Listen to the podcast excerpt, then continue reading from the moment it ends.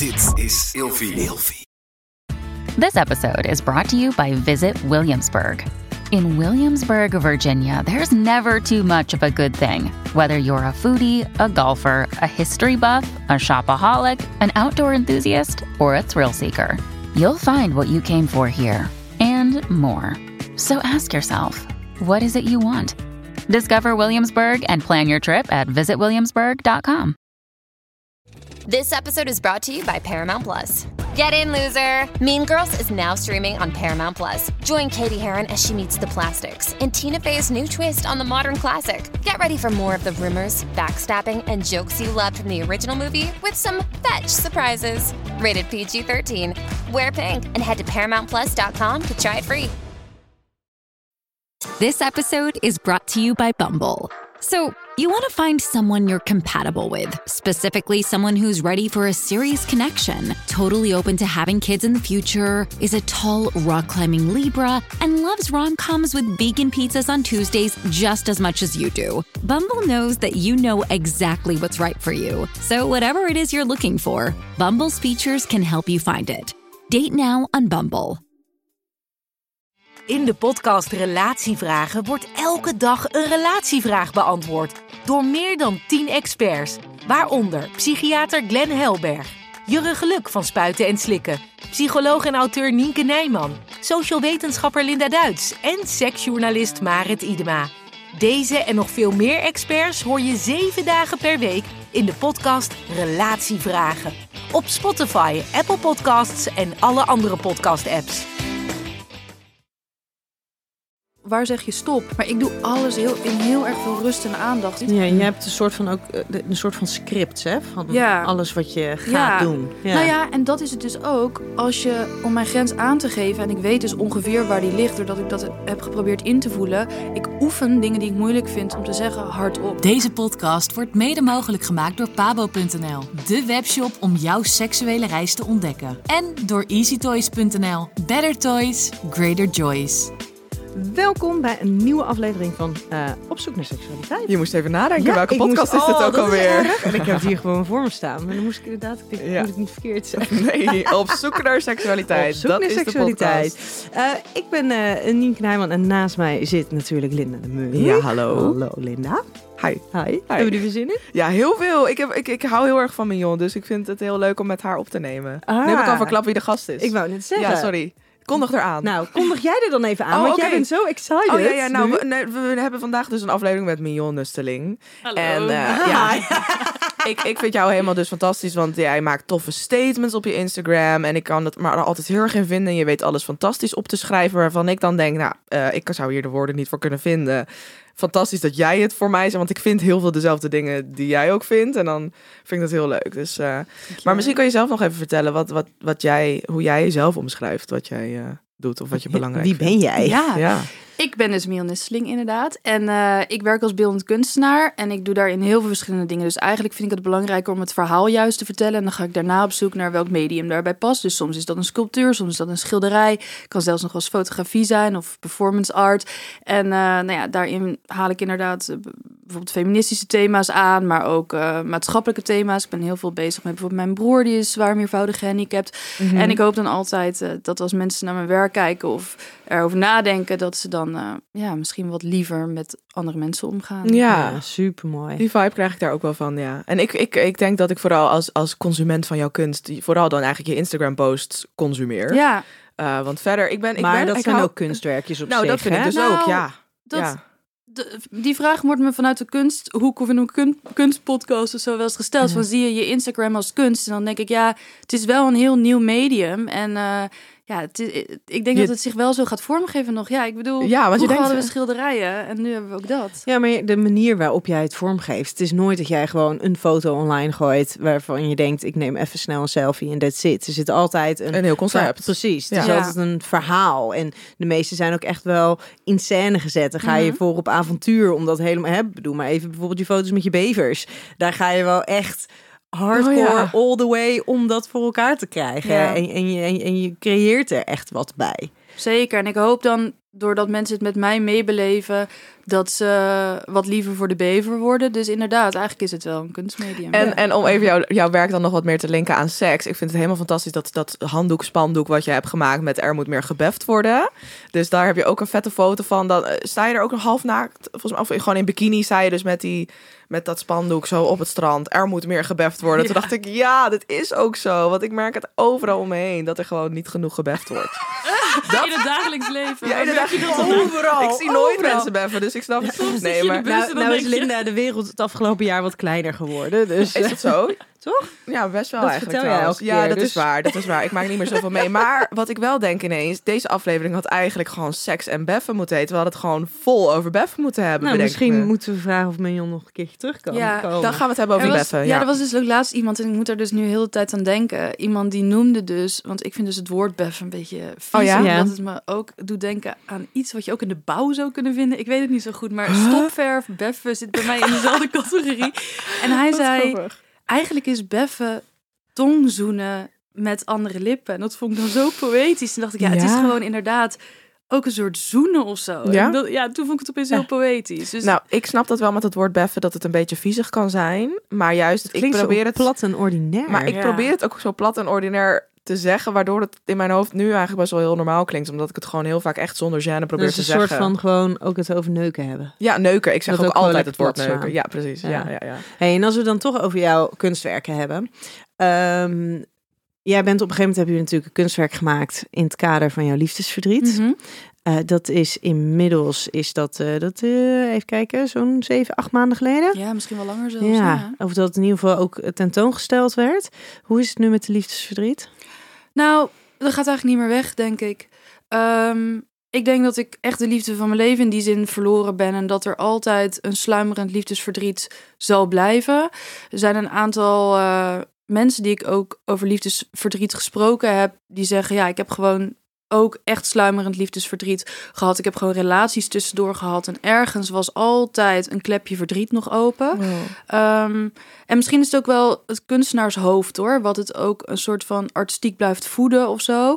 Ehm, en zo probeer ik het nu ook te framen in mijn hoofd, dat ik het niet meer continu zie als gemis en verdriet, maar dat ik denk, ik heb voor altijd een melancho melancholische eh, artistieke Toon, toevoeging ja. in mijn, in mijn Hmm. eh, verwerking. Ja.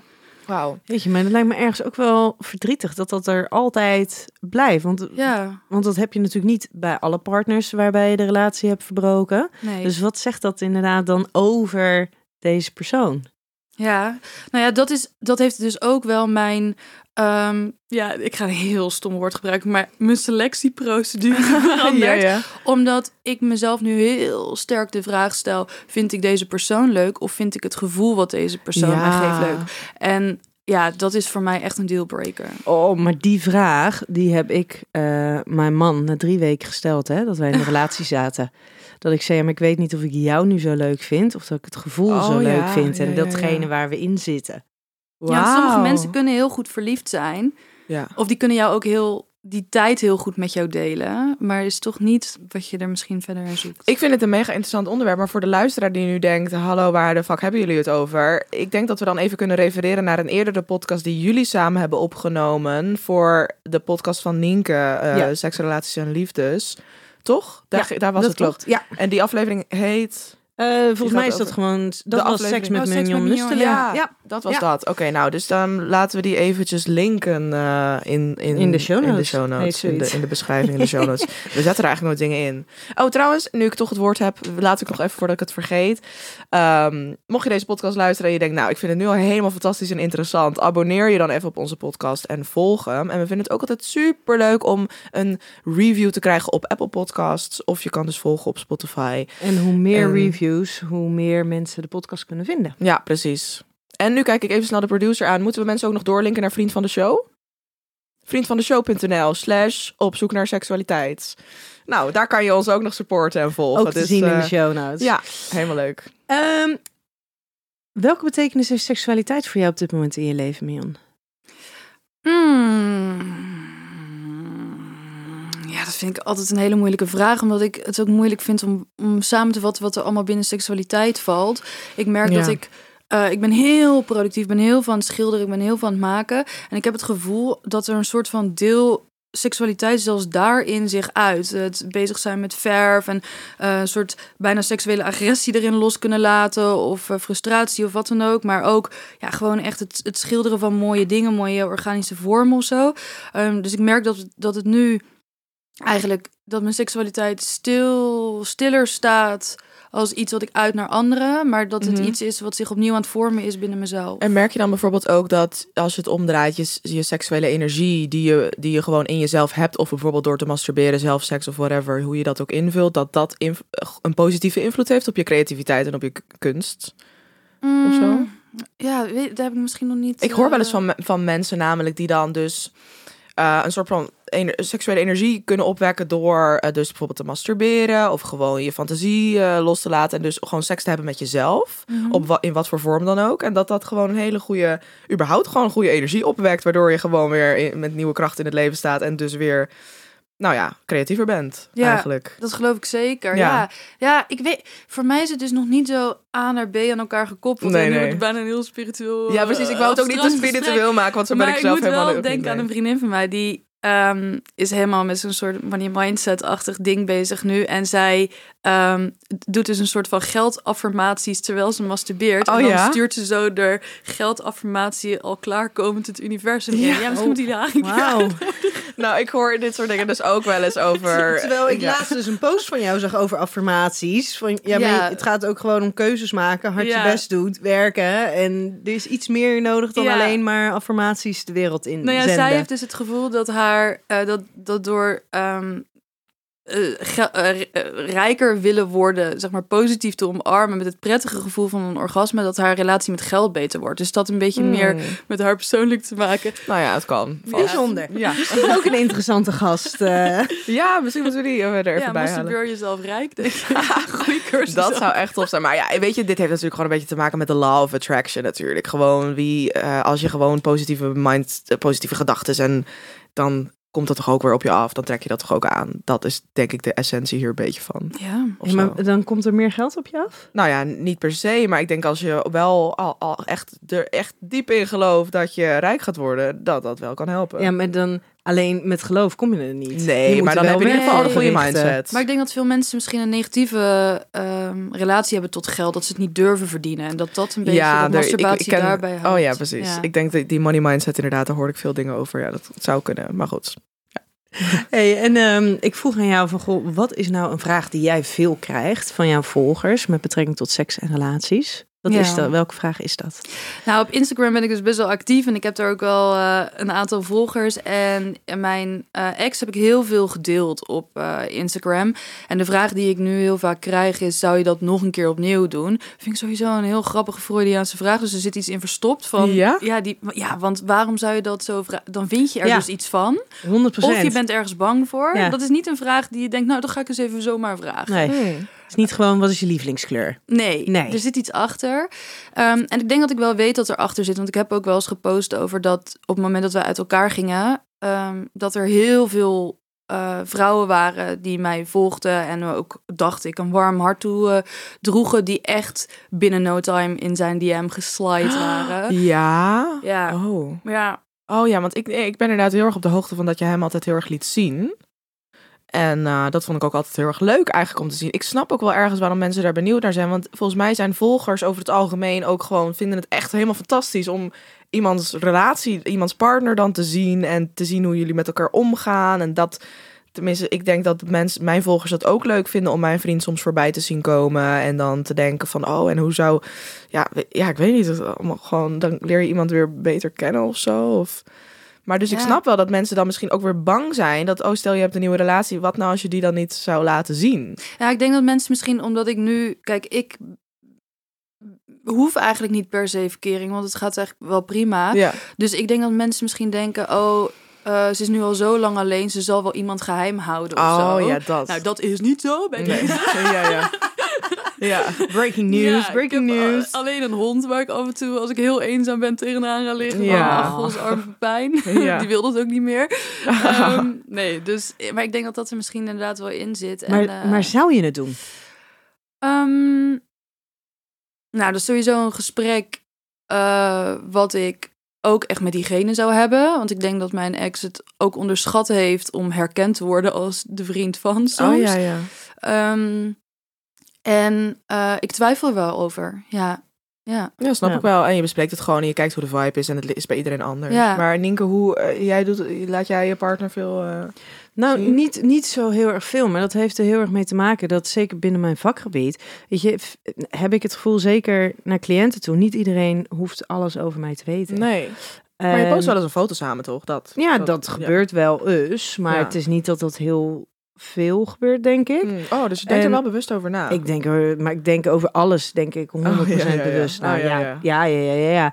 En ehm, als je, als je, nou ja, ik heb één keer op een gegeven moment, dat was toen waren we vijf jaar getrouwd, en toen had ik er een foto opgezet, een post geplaatst, en toen kwam dus iemand met, eh, die zei van ja, nou ja, en, en als je zo'n eh, perfect beeld schetst en dat, eh, dat, dat kan helemaal niet en dat, eh, eh, dat is weer typisch zo Oh. van, van perfect plaatje tonen en op de achtergrond, eh, eh, weet je, de- dat dat niet echt vijf jaar is. getrouwd is toch Mm, gewoon Precies. Nou, en dat was dus het hele mooie. Dat, dat er dus echt mensen daarop gingen reageren. Van ja, maar jongens, als je dus, weet je, het is je trouwdag, dan mag je toch even juist Ja, dat mooie naar voren laten komen. Ja, niet Maar ik maar was- een keer de vuilniszakken niet buiten Nee. gezet. In die vijf jaar. Precies. Maar ik dacht ook, want en dat vond ik best wel een beetje dom. Nee, jullie hebben allebei, eh, allebei mijn boek gelezen. Daar staan ook echt wel dingen in waar wij gewoon binnen onze relatie mee te maken hebben gehad. En eh, toen dacht ik, jeetje, maar ik heb daar heb ik dus echt wel een soort van disclosure gedaan op sommige stukjes. En dan ga je nu ga, ga je dit zeggen. En ik vind dat zo ingewikkeld. En dan kies ik er dus liever voor om het erbuiten te laten, dan Mhm. dat ik het gevoel heb dat ik me daarvoor voor moet verantwoorden. Ja, snap ik wel. Ja. Ja, dat is bij jou inderdaad natuurlijk ook wel met je cliënten, dat, dat dat anders is. Nou, ik heb dus ehm, in het begin denk ik dat ik, toen maakte ik ook nog filmpjes op YouTube. Dus toen heb ik inderdaad veel met, met Jesse wel eh, gefilmd. Of nou, veel, ik, inderdaad wel eens zo'n boyfriend Q&A en eh, dat hij in mijn vlogs voorbij kwam. Maar eigenlijk merkte ik gewoon al snel genoeg dat, ja, hoe ik voor een camera praat, ja, dat kan ik niet verwachten dat iedereen dat kan en doet. En dat merkte ik al snel genoeg dat dat niet helemaal zijn dingen is. Dus eh, toen ben ik hem eigenlijk steeds minder misschien wel gaan laten zien. En nu gewoon eh, in. We hebben natuurlijk wel heel veel leuke foto's samen die ik dan plaats. En in mijn story komt hij wel eens voorbij.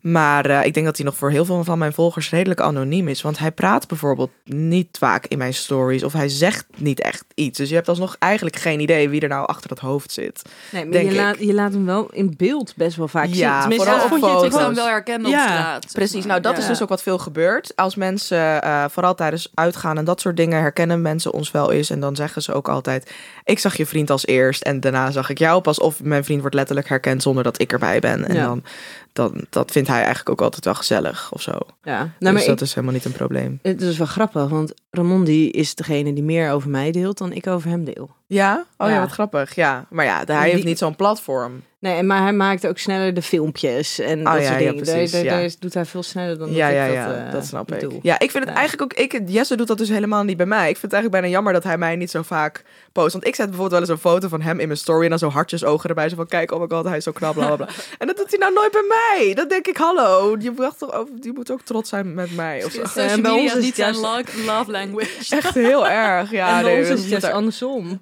Ja, ja, Ja. oh ja, precies. Ja, nou ja, dus dat is ook maar per persoon verschillend in hoeverre je dat belangrijk vindt om te doen. Want dat is, dat is inderdaad een love language. Ja, nou, mijn Ja. ex was, is dus ook, hij leeft nog, dus ik, ik, want ik zeg nou Bas, maar ik bedoel natuurlijk Oh is- Hij leeft nog. hij leeft nog. Ehm, is kunstenaar, dus hij postte ook nooit foto's van mij, maar ging dan bijvoorbeeld heel ongemakkelijke tekeningen van mij maken. Dat ik dan het gras Oh, aan het ja. zagen was en dan had hij een, mijn billen die dan helemaal zo over het gras heen Oh, hingen. Of allemaal, dan had ik één puist ergens en dan ging hij me helemaal zo, die puist zo groot maken als heel mijn hoofd. En dat ging hij dan uploaden. Oh ja. Maar ja, hij was kunstenaar, dus dat, dat was dan... Dat is dus, artistiek ja. verantwoord. Dus ik weet niet of je dan liever niet gepost wordt. Nee, dat snap ik het wel. Ja, ja, dat is ook weer, ja, dat is weer de andere kant van het spectrum. Dus ja, Ja, ja, precies. Kiezen of delen. Ja, that's true. Hey, en over het eh, spectrum gesproken, volgens mij hebben we namelijk helemaal niet zo geïntroduceerd dat wij het over gaan hebben. Wij zouden het namelijk ehm, gaan hebben in deze aflevering over seks en grenzen. Ja. En dat kwam eigenlijk voort uit ehm, het stukje, nee, jij hebt autisme, daar hebben wij ook al eerder een, eh, een podcast eh, over gemaakt binnen Seks, Relaties en Liefdes. Ook heel erg, eh, dus die is trouwens mega goed ontvangen. Daar heb ik zo bizar veel reacties op gekregen. Ja, heel veel Oh, mensen voor wie het heel herkenbaar was. En eh, ook als partners van dat ze echt veel beter dingen begrepen. Dus dat is echt een hele fijne aflevering. fijn. Laten we die beide afleveringen al even linken in de show notes. Ja. Want ik denk sowieso als mensen nu denken... oh, die Mignon die vind ik helemaal fantastisch. Die, ik wil meer luisteren. Dan eh, zijn dat denk ik twee leuke afleveringen om ook nog even te luisteren. Ja, hey, maar we hebben dus eh, seks en grenzen als onderwerp daaraan gelinkt. En ik heb drie stellingen voor jou. Oké. En eigenlijk ook voor jou. Voor ons. Voor ons. Ja. Voor ons allemaal. Als je autisme hebt, is het makkelijker om iemand af te wijzen en om grenzen te stellen. Hmm. Ehm, nu is dat wel zo. Maar dat komt door eh, therapie, dat komt door peers training.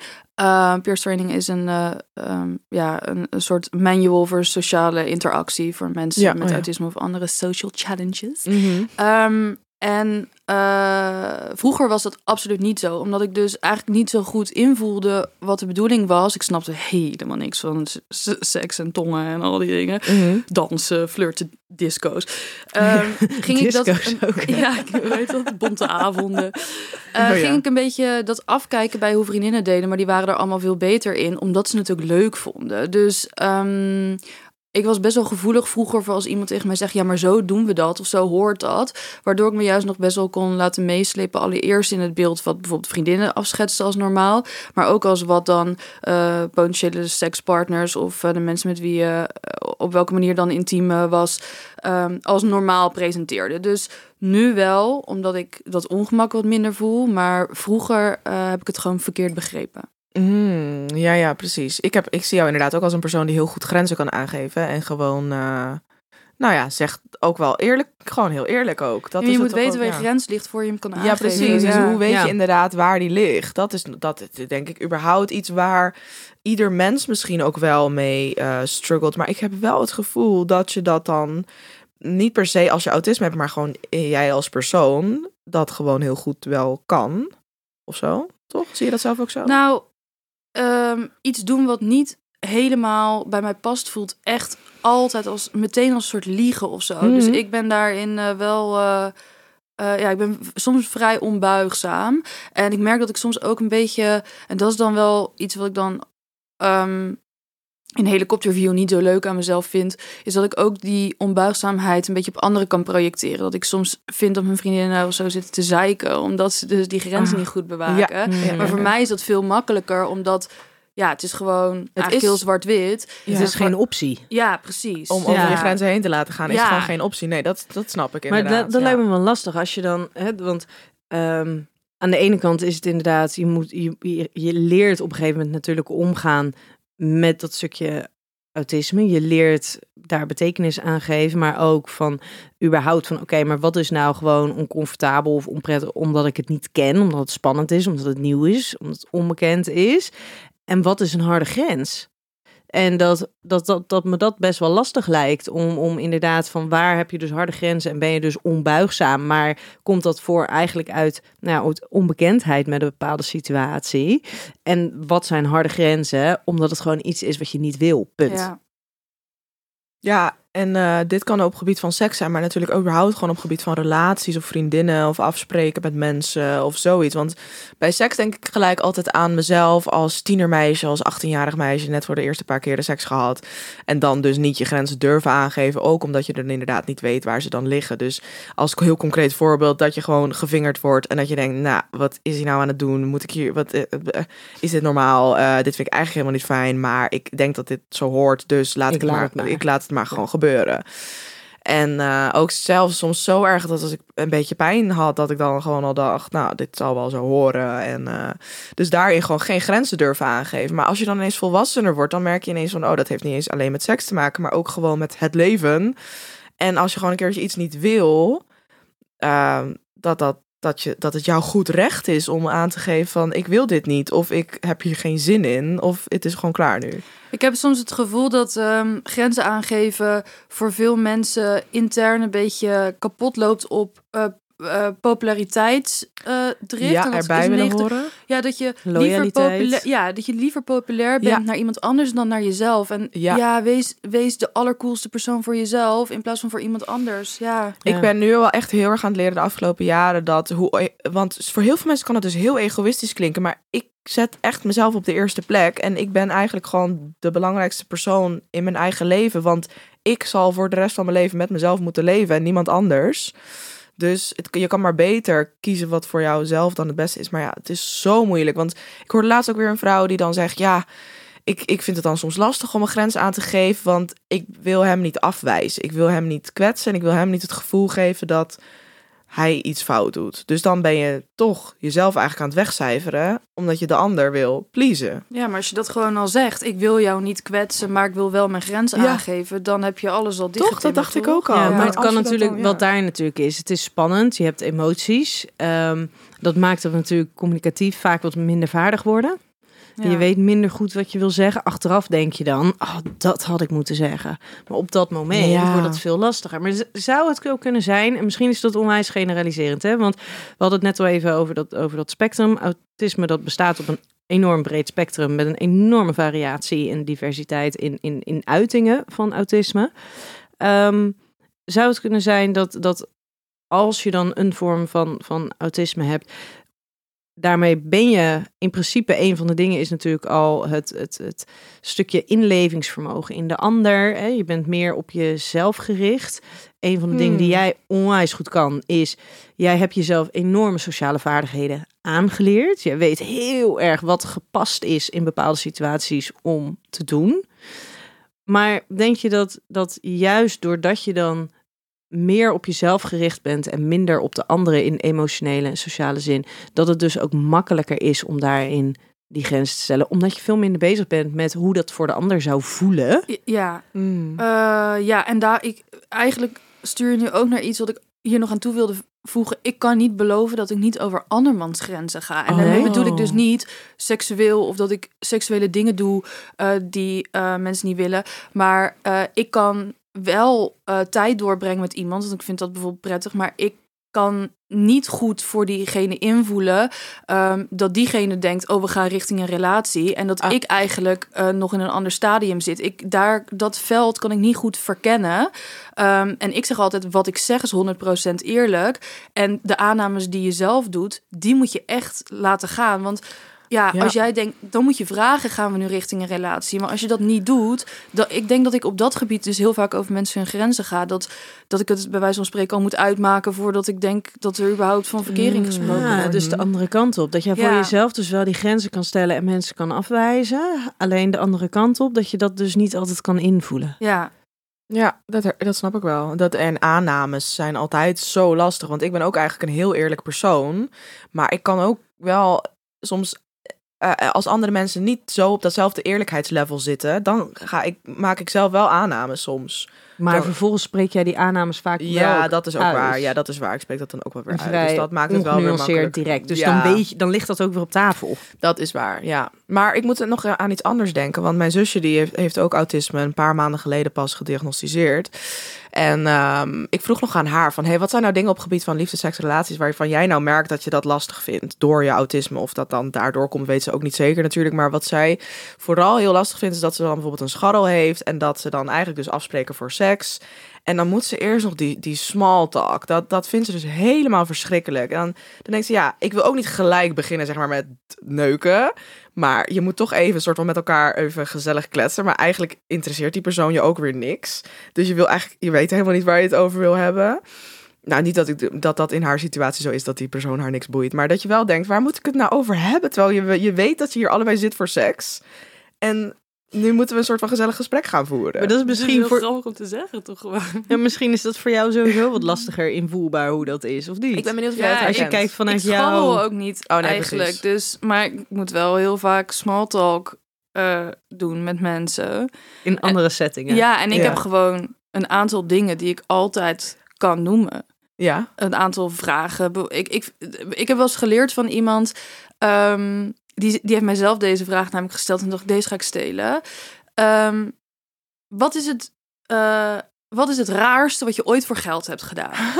en eerst denkt iemand dan misschien, ja, rare vraag om vanuit het niets te stellen. Maar de vraag is zo leuk om over na te denken. Want er komen allemaal grappige verhalen over je eerste bijbaantje. Over misschien iets dat eigenlijk iedereen het wel leuk vindt om het over te hebben. Oh ja? Dus je moet gewoon eigenlijk een keer een avondje bier gaan drinken met je vrienden. Dit soort vragen in je telefoon opschrijven. Ja? Verzinnen in je telefoon En die bewaren voor de, voor, voor de volgende small talk met je maar scharrel. dat, dat is denk ik voor iedereen, hè? Los of je, of je autisme hebt of niet. Ja, misschien wel. Weet je, een goede small talk. Ik vind het zelf vind ik het ook mega ingewikkeld. Ik, ben, ik haak, het onnodig ik haak inderdaad. zo snel af. Maar ik ben ook iemand, ik vraag nooit aan iemand, hey, als je iemand, weet je wel, als je iemand ontmoet en hoi zegt, hey, alles goed? Nou, dat vraag ik dus Oh. nooit aan iemand. Wat interesseert mij dat nou? Of ik wil dan inderdaad een uitgebreid antwoord en met je praten over hoe het echt met je gaat. Maar niet zo van, ja, goed. En, en met jou. Nou, ik heb wel, dan vragen mensen het aan mij, maar ik stel hem nooit terug. Nee, ik stel hem ook niet. nooit terug. En ik dat stel hem ook echt, nooit dat vind ik terug. echt heel erg af Nou, soms denk ik ook wel eens achter, dan vindt iemand mij nu niet een verschrikkelijk persoon. Dat ik, maar het interesseert me oprecht niet als jij eigenlijk alleen maar het antwoord goed gaat geven. Ja, precies, maar dat is het. Weet je, Ja. ga, ga je echt een gesprek aan,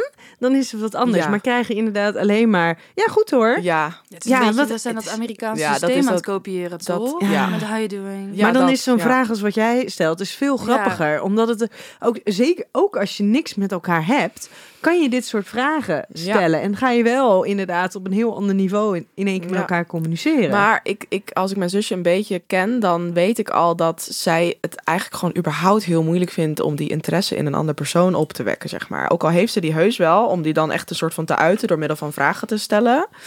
Zij heeft denk ik eerder nog iemand nodig die dan haar een, een vraag stelt of zo. Ik weet het eigenlijk niet. Ik moet het ook niet voor haar gaan invullen. Maar nou ja, ik kan me voorstellen dat dat, dat zijn gewoon dingen die dan, um, die dan een beetje strugglend zijn in zo'n soort relatie. Wat voor relatie dan ook. Als je dit net aan het opbouwen bent dan. En- of aan het daten bent. Zoiets. Nou, dat wou ik er nog even aan toevoegen. Ja, ik denk dat als je echt aan het daten bent met oog op een relatie, dat je misschien ook wel meer interesse al hebt in die persoon. Dus als het echt Ja. om seks gaat, maar dan zou ik het gewoon uitspreken. Ja, hè? Ja.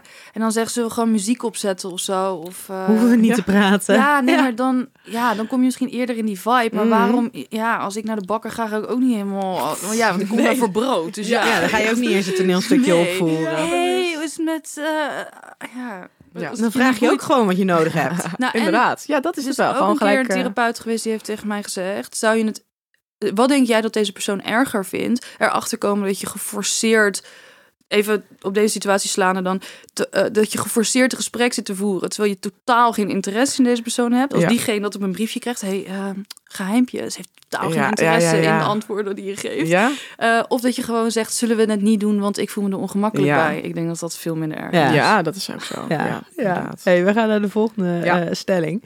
Iedereen zou getraind moeten worden in het stellen van grenzen dan wel het afwijzen van een ander. Ja, 100%. Vette ja. Toch? En dat is toch eigenlijk al wel weer jaren voor strijden tijdens dat seksuele voorlichting gewoon daar beter over moet gaan. En consent. En, en, maar, maar grenzen gaat, gaat natuurlijk eigenlijk nog wel meer over durven te zeggen wat je misschien ook wel wil. Eh, en, en, en niet alleen maar, want ik denk dat, dat we, we kennen allemaal wel de meisjes die dan op school moeten, eh, een, eh, hoe heet dat, zelfverdedigingscursus moeten doen of zo. Dat, daar moet ik dan gelijk aan denken. Dat is natuurlijk niet helemaal de goede manier. Dus met grenzen, ja, ja echt dat voor dat, dat hele, die essentie van voor jezelf kiezen. En dus inderdaad anderen durven afwijzen, puur omdat jij voor jezelf kiest. Ik denk dat dat echt nog beter, dat dat, ja, dat is Ik, heel belangrijk. ik denk ook van tevoren altijd wat ik wel en niet wil. Dus Ja. als ik bijvoorbeeld... ehm, nou, ik heb wel een soort van voor mezelf dat ik niet het, het hele pretpakket in één keer er doorheen wil jassen. Dus ik wil Mhm. bijvoorbeeld, ik zeg dan tegen mezelf: Oké, we gaan de eerste keer bijvoorbeeld niet zoenen, de eerste, tweede keer misschien wel. Ehm, dan is er misschien, ehm, weet ik veel, vingeren aftrekken of orale seks of wat dan ook.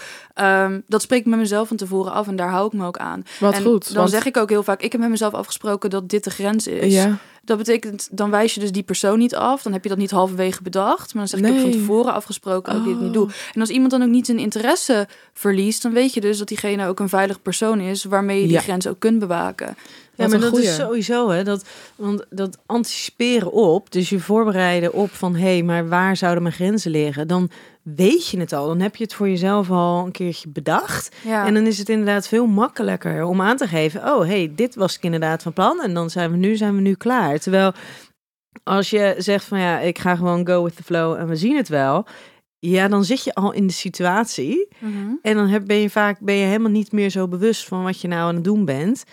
En kan je veel minder makkelijk een grens stellen. Nou ja, Ik- kijk, ja. en seks, ik vind, we zitten hier, jullie, hoeveel podcasts maken jullie? Seks is ook gewoon wel leuk, anders waren we wel uitgeluld. Ja, ja, ja. Dus ik denk, als je je hebt voorgenomen, oké, ik hou het bij orale seks vandaag, dan is het hartstikke leuk om uit te gaan kijken naar dat je grens volgende keer kan opschuiven. Maar als je je grens en moment, dus op het moment zelf gaat verleggen, dan kun je eventueel spijt hebben. Dus die spanning, Ja. die tinteling, die is ook leuk. Anders zou bijvoorbeeld zoiets als sekschatten niet bestaan. Nee, sexting, ja, inderdaad. En, maar ik vind het wel interessant dat je dit zegt. Want ik denk dat ik er wel zelf anders naar kijk. Omdat ik dat eigenlijk echt totaal niet van tevoren voor mezelf kan beslissen. Want ik moet echt gelijk denken aan de eerste keer dat ik seks had met Jesse, met mijn vriend.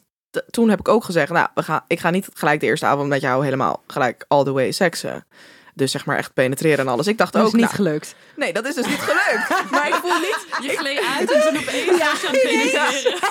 maar, maar ik had het wel voor mezelf bedacht. En het was niet zo'n hele harde grens. En ik voel me ook niet achteraf alsof ik over mijn grenzen ben gegaan. Maar het was meer een soort grappig principe dingetje. Ergens soort van Ja, maar dan ben je ook al bijna niet serieus Nee, in je is grens. ook zo. Ik, dat was en ook jullie niet zijn hele samen, serieuze- dus je hebt een positief gevoel bij de Ja, ervaring. is ook zo. Is ook Ja. zo. Dat maar, is waar. Maar ik denk wel wat ook belangrijk is, want vaak hebben we het als we het over grenzen hebben, dan hebben we het zeg maar over, over de nee. Dat is Ja. een soort van je niet verder gaan dan dat. Maar grenzen kunnen ook op een positieve manier worden gesteld. Hè? Inderdaad, van nou, voor nu ligt daar eventjes mijn grens.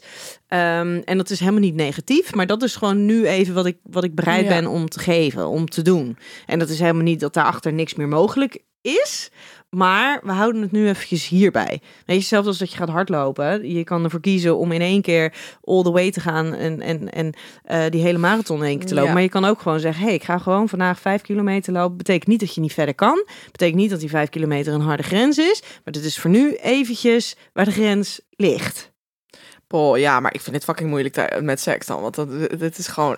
Ja, ik heb het denk ik heel vaak met mezelf afgesproken. Dat ik echt dacht, oké, deze keer ga ik niet met iemand mee naar huis. Ja, maar voor wie spreek je dat dan af? Ik denk dat dit wel met te maken heeft met die, met die maatschappelijke ideeën over hoe vrouwen in hun seksualiteit zouden moeten staan. Dat dat toch ergens bij mij nog, nog is blijven hangen. Ja, dus het is geen belofte naar jezelf, maar naar Nee, het imago. Wat ja, je wil misschien is dat het er, hè? die reputatie toch wel. En Terwijl ik het- eigenlijk heel trots ben over mijn aantal bedpartners en al mijn one-night stands en dat. Maar toch, ergens had ik wel eens dat gevoel van, nou, vanavond heb ik wel een grens. Ja, maar dat is dus het verschil. Daar hadden wij het eerder over eh, voor de opnames. Ehm, ben je trouw naar jezelf toe? Dus Ja. je, je spreekt iets af voor jezelf. En Ja. als je het voor jezelf doet en je staat daarachter, dan is het veel makkelijker om je eraan te houden dan wanneer je iets zogenaamd, nou ja, eigenlijk meer een soort van je voorneemt omdat je eh, het voor anderen zou doen. Mm, of omdat ja. je bang bent dat anderen ervan denken. Ja. Terwijl als je het voor jezelf doet en echt oprecht voelt als zijnde, hé, maar dit is, dit is waar mijn grens nu ligt, punt. Dan is het veel makkelijker om je daaraan te houden. Het blijft nog steeds ingewikkeld. Mega. Echt, ieder volwassen persoon heeft hier nog, nog moeite mee toch ook. Überhaupt Ja, gewoon. dat vraag ik me dus af. Of Ja, dat- nou, ik, ik kan best goed mijn grenzen aangeven. Maar ik heb soms nog steeds wel momenten dat ik denk... ja, fuck, ik ben nu toch wel eh, een beetje over mijn grens heen gegaan. Maar dat had ik dan eerder niet door. En achteraf merk ik dat dan pas van... ja, dit was toch wel mijn grens. Ja. En niet met hele erge dingen. Gewoon met eh, eh, net een glaasje te veel alcohol drinken of zo. Ja, en dat vind ik ook wel lastig als je het dan hebt over grenzen. Dat om grenzen aan te kunnen geven, moet je weten waar ze liggen. Ja. Eh, dus dat is al een belangrijke.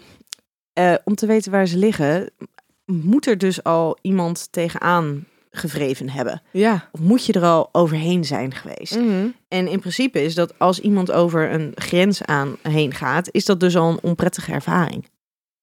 Ja, als ik bijvoorbeeld iemand eh, nieuw ontmoet en daar ga ik mee daten, dan ga ik wel een soort van eh, visualiseren hoe dat eventueel zou kunnen zijn. Dus ik ga dan wel echt zitten, dan doe ik even mijn ogen dicht en dan ga ik proberen te bedenken hoe het zou voelen om diegene dus aan te raken en zo. En dan merk ik wel dat ik een soort van kan voelen waar ik mijn grens wil stellen. Oh, wat goed. Ja, denk dat dat wel een goede tip is ook. Ja, dus dat ja, verzin, ver- verzin is dat diegene je aanraakt en waar zegt diegene dan stop? Waar zeg je stop of Ja. zo? Ik denk, ik denk dat als je met, maar ik doe alles heel in heel erg veel rust en aandacht, omdat ik dus, Mm. ja, ik, anders dan overleef ik gewoon de dag niet. Ja, je hebt een soort van ook eh, een soort van script, hè? Van Ja. alles wat je gaat Ja. doen. Ja. Nou ja, en dat is het dus ook als je om mijn grens aan te geven en ik weet dus ongeveer waar die ligt doordat ik dat heb geprobeerd in te voelen. Ik oefen dingen die ik moeilijk vind om te zeggen hardop. Mm. Want ik weet dat nog van toen ik theater speelde, dat soms als ik dan een hele lange tekst moest opdraven, eh, dan was het niet eens meer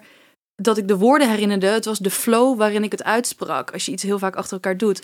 Dus hoe vaker je hebt gezegd, hier ligt mijn grens, eh, laten we het hierbij houden. Hoe vaker je dat hardop hebt gezegd, des te meer het op je tong ligt. En dan rolt Ja. het eruit Ja. zonder dat je erover na hoeft te Klinkt denken. zo logisch eigenlijk. Wauw, ik denk echt dat het een soort lifehack kan zijn voor veel mensen. Ja. Als je echt dat, dat soort dingen moeilijk vindt. Of bijvoorbeeld, waar ik nu ineens aan denk, waar heel veel jonge meiden last van hebben, wat lastig vinden om te doen, aangeven van, hé, hey, ik wil wel met een condoom seks. Of waar is je condoom? Of Mm, hallo, pakken ja. we later een condoom erbij pakken. Deze heb ik letterlijk geoefend. Ja, echt Ja. waar. Wauw, nou dat vind ik dus echt zo'n goede tip. Want ik had, ik had het ook. Mijn eerste keer seks was gewoon zonder condoom. Puur, ik kreeg het gewoon niet uit mijn strot. Ik wist niet hoe ik hè? dat moest zeggen. Nee, maar dat is toch, en dat is, het is zo voor de hand liggend eigenlijk. Want het is met alles, met alle gesprekken die we voeren.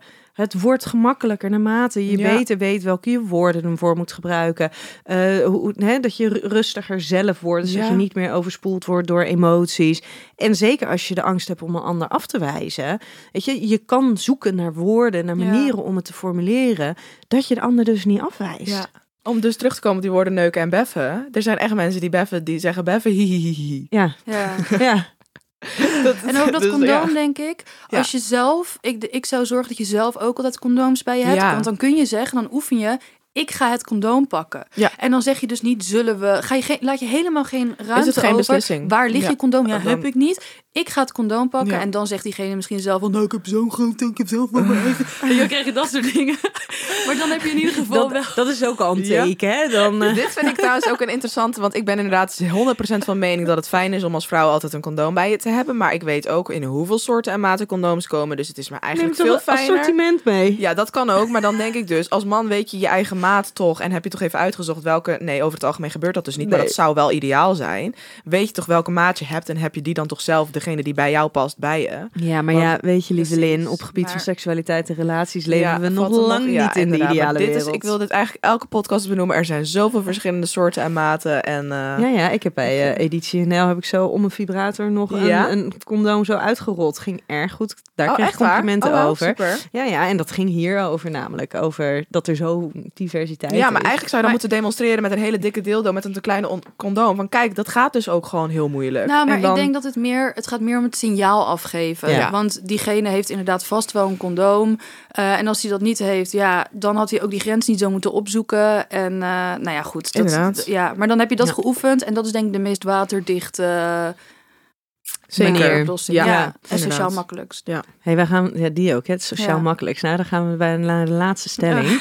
Het ongemak van grenzen stellen en iemand afwijzen is mij niet of nauwelijks bekend. Nou, daar haak ik volledig af. Ja, dus, je, dus vind jij, dat vind jij Ik niet vind- ongemakkelijk? Ja, zeker wel. Oh, je vindt het ongemakkelijk? Ja, ja, ja, ja. Oh, wel, ja. Ja, Ik medium.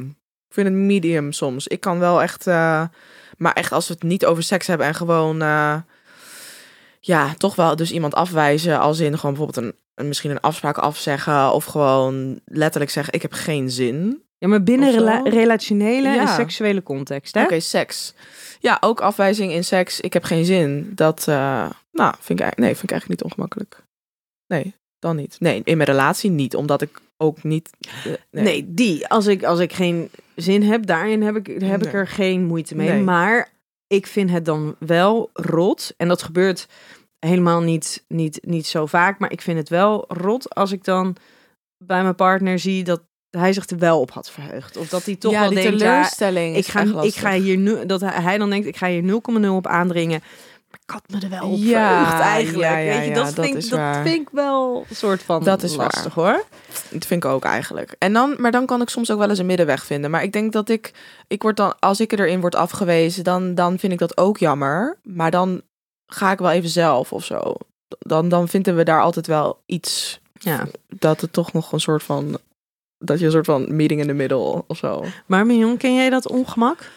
Ik denk dat mijn, mijn aanloop om seks te hebben bouwt zich zo energetisch op. Dat is niet iets wat heel snel besloten wordt of zo. Dat is meer, nou ja, dan bouwt het zich echt wel ehm, in een fysieke connectie op. Dat als je dan nog zegt, eh er gaat niet gesext worden, dan snap ik niet waar we mee bezig Oh, ja. Binnen een relatie dan, Mhm. hè, dan...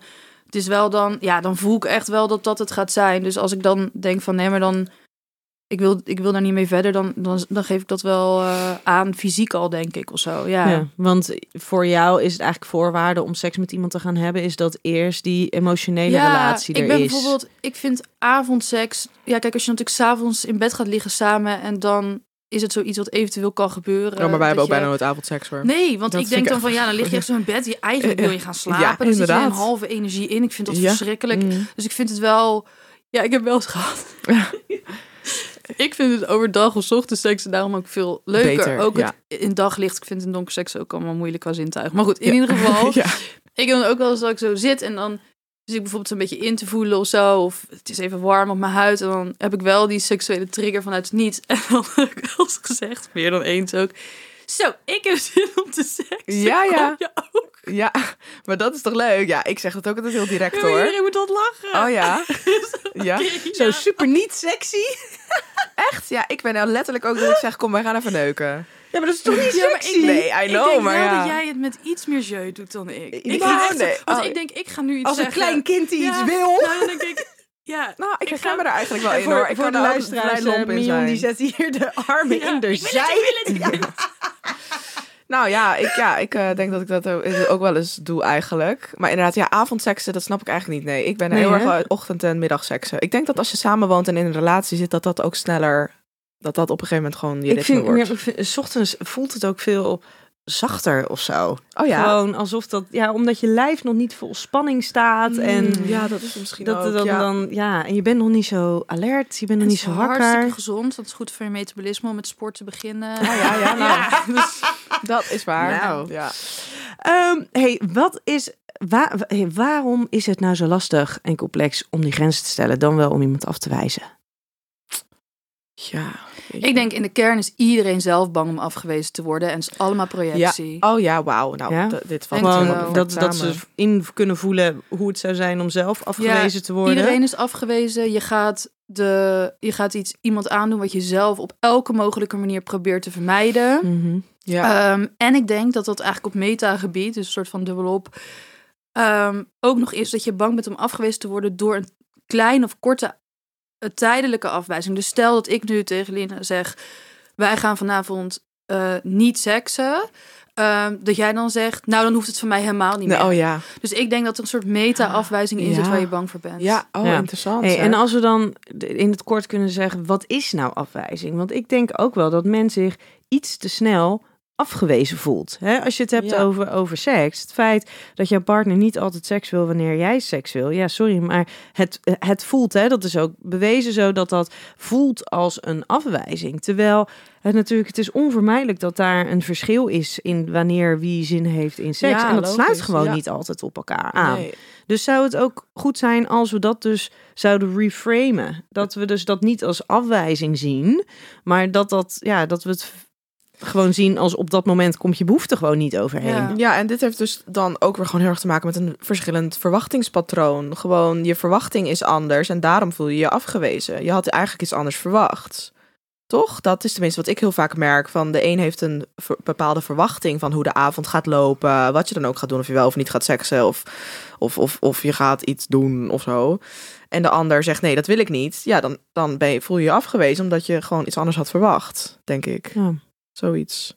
Dus eigenlijk verwachtingen bijstellen. Nou ja, of dus verwachten. inderdaad je bewustzijn van het feit dat het dus niet per se een afwijzing Nee, is. dat is het. Ja, maar gewoon inderdaad gewoon een opvatten. verschil in, in, nou ja, een verschil in Ja. verwachtingen of verschil in behoefte Ja. op zo'n moment. En dat- Ja, want ik denk ook dat als je seks wil met iemand en dan even in, in een soort van de, de ehm, ja, De eh, vibe. nou ja, de mogelijkheid om het Oh. te doen, dus bijvoorbeeld een relatie of in een, in een, een kwarrel, of hoe noemen mensen dit? Ja, ja, een scharrel of een kwarrel of eh, gewoon, ja. Ehm, dat je ook bij jezelf te raden moet gaan of het wel seks is waar je naar op zoek bent. Of dat je eigenlijk e- even dat je huidhonger hebt en even tegen iemand aan Oh, wil ja. liggen. Of dat je eigenlijk misschien wel rusteloos bent, zodat je ook een stukje kan hardlopen. Of eh, ehm, ja, wat, waar ben je nou eigenlijk naar op zoek? Want je kan de ander ook niet gebruiken om je behoefte te stillen die misschien niet bij die persoon ligt. Nee, ja. heel Ja, goed. Inderdaad. dat is Hey, dames, wij moeten hem alweer gaan afronden. Ja. Nou, wou ik vragen naar wat is nou de ultieme tip waarvoor, waardoor je het zelf kan makkelijker kan maken. Ik denk dat je hem al gegeven hebt, maar misschien Nog even concreet een tip om grenzen Ja. aan te geven. wat, Nou, wat kan je doen om het makkelijker te maken om grenzen te stellen voor jezelf of om de ander af te wijzen? Ja, dus hardop oefenen. Eh, van Ja. tevoren bedenken wat, eh, eh, waar je grenzen liggen, mogelijk. En misschien denk ik dat als er. als je gewoon met een, met een vriendengroepje een keer een improvisatietheater. Oh, ja, zo, workshop ja. gaat doen. Ja, nee, maar dat lijkt ja, me dus. of daar heel- gewoon over praten met een vriendinnengroep. Ja, maar als je. ehm eh, oh, dat een rollenspel doet. Ja, Van- nou ja, het hoeft nog niet eens een, zeg maar echt op seks gericht te zijn. Maar ik heb merkt dat heel veel van mijn assertiviteit komt uit dat ik theaterschool heb gedaan. Oh ja. En dat ik dus heel ad rem kan reageren, omdat je heel erg bij improvisatietheater op actie-reactie geleerd krijgt. En Ja, daar oefen je dus de eh, echte vaardigheid van reageren. En als je dan thuis nog oefent met wat je dan gaat zeggen, denk ik dat je Mm. echt eh, ja, je e- eigen trainingje hebt. Ja, super. Maar ik denk dus ook, ja, ik ben natuurlijk altijd heel erg voorstander van gewoon lekker met anderen erover praten. Van, hé, hey, waar ligt jouw grens eigenlijk? En dan kan je daar misschien een beetje inspiratie op doen als je het nog niet weet van jezelf. En vooral als je wat jonger bent, ga dan inderdaad vooral ontdekken. Uh, en, en ik heb bijvoorbeeld heel erg geleerd door, door porno te kijken, dat ik dacht, nou, dat zou ik dus echt nooit willen, nooit doen. En uh, daar ligt echt mijn grens. Of juist weer dat ik daardoor leerde, oh, dat lijkt me ook wel wat, dat wil ik ook wel proberen. Of Maar als je nou dat. geen mensen hebt om, of vrienden waarmee je zo'n open relatie hebt om hierover te praten, Ja, kun je dan naar een forum of wat raad je dan aan? ja, dat vind ik dan lastig, dat weet ik even niet. Nou ja, ik denk wat ik weet is dat bijvoorbeeld het luisteren van dit soort podcasts helpt dus ook al mensen om er andere woorden voor te vinden en om Ja. daarin dingen Ja. te leren. En dat is echt, dat heb ik al bij een aantal cliënten van mij die heel veel ongemak hebben in het, in het voeren van gesprekken over seksualiteit, bijvoorbeeld met een partner of met vrienden. Die merken dat doordat ze dus daarnaar luisteren en woorden aangereikt krijgen, dat het dus veel makkelijker wordt om het te doen. Maar ik Ja. denk dat inderdaad, zeker in concrete situaties als ik ga op date. Eh, hè, ik ga in een situatie eh, komen waarin er, nou ja, misschien een, ri- eh, nou, een risico, Risicoanalyse, volgens mij een kans risicoanalyse. op seks is, dan denk ik dat het stukje het visualiseren Ja. en het anticiperen op wat er gaat komen. En ook inderdaad voor jezelf een paar gewoon korte zinnetjes hebben waarin je jezelf het niet te complex gaat maken. Je niet in allerlei bochten gaat wringen. Maar waarin je gewoon voorbereid bent op hey, dit is hoe ik dan letterlijk in woorden een grens aan kan geven. Ja. Ja. En je moet ook de echt wel eerlijk naar jezelf kijken wat je allemaal invult voor de ander. Want je kan wel allerlei dingen gaan zeggen van ja, het ligt niet aan jou of dit en dat. Laat die ander er lekker buiten. Houd bij je eigen Ja, gevoel. dat is sowieso het makkelijkste hè? als je het Ja. hebt over de ik. Ja. Ja. ja. Nou, mooi. Ja. Heel goed. Hey, dank jullie wel, allebei, dat jullie eh, er gedaan. wilden zijn. En volgens mij, Mignon, moeten we gewoon nog een andere aflevering eh, op gaan nemen met jou. Eh, dus wie weet, wie weet. Eh, lieve luisteraar, tot de volgende aflevering. Yes, tot de volgende keer. Oké, Doei. hoi hoi.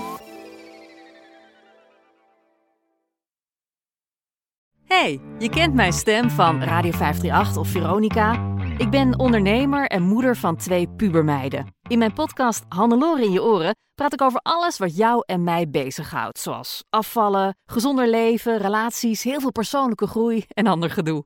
Mag ik in je oren? Liefs, Hannelore Zwitserloot.